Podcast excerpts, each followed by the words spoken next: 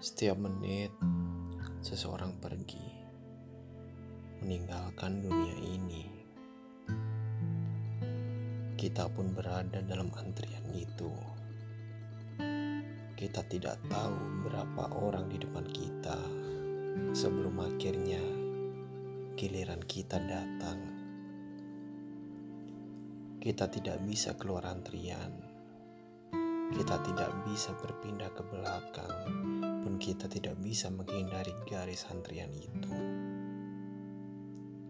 Sementara kita menunggu di antrian, buatlah prioritas. Bahagiakanlah orang-orang yang kita sayang. Beri hadiah kecil untuk orang-orang yang kita cinta.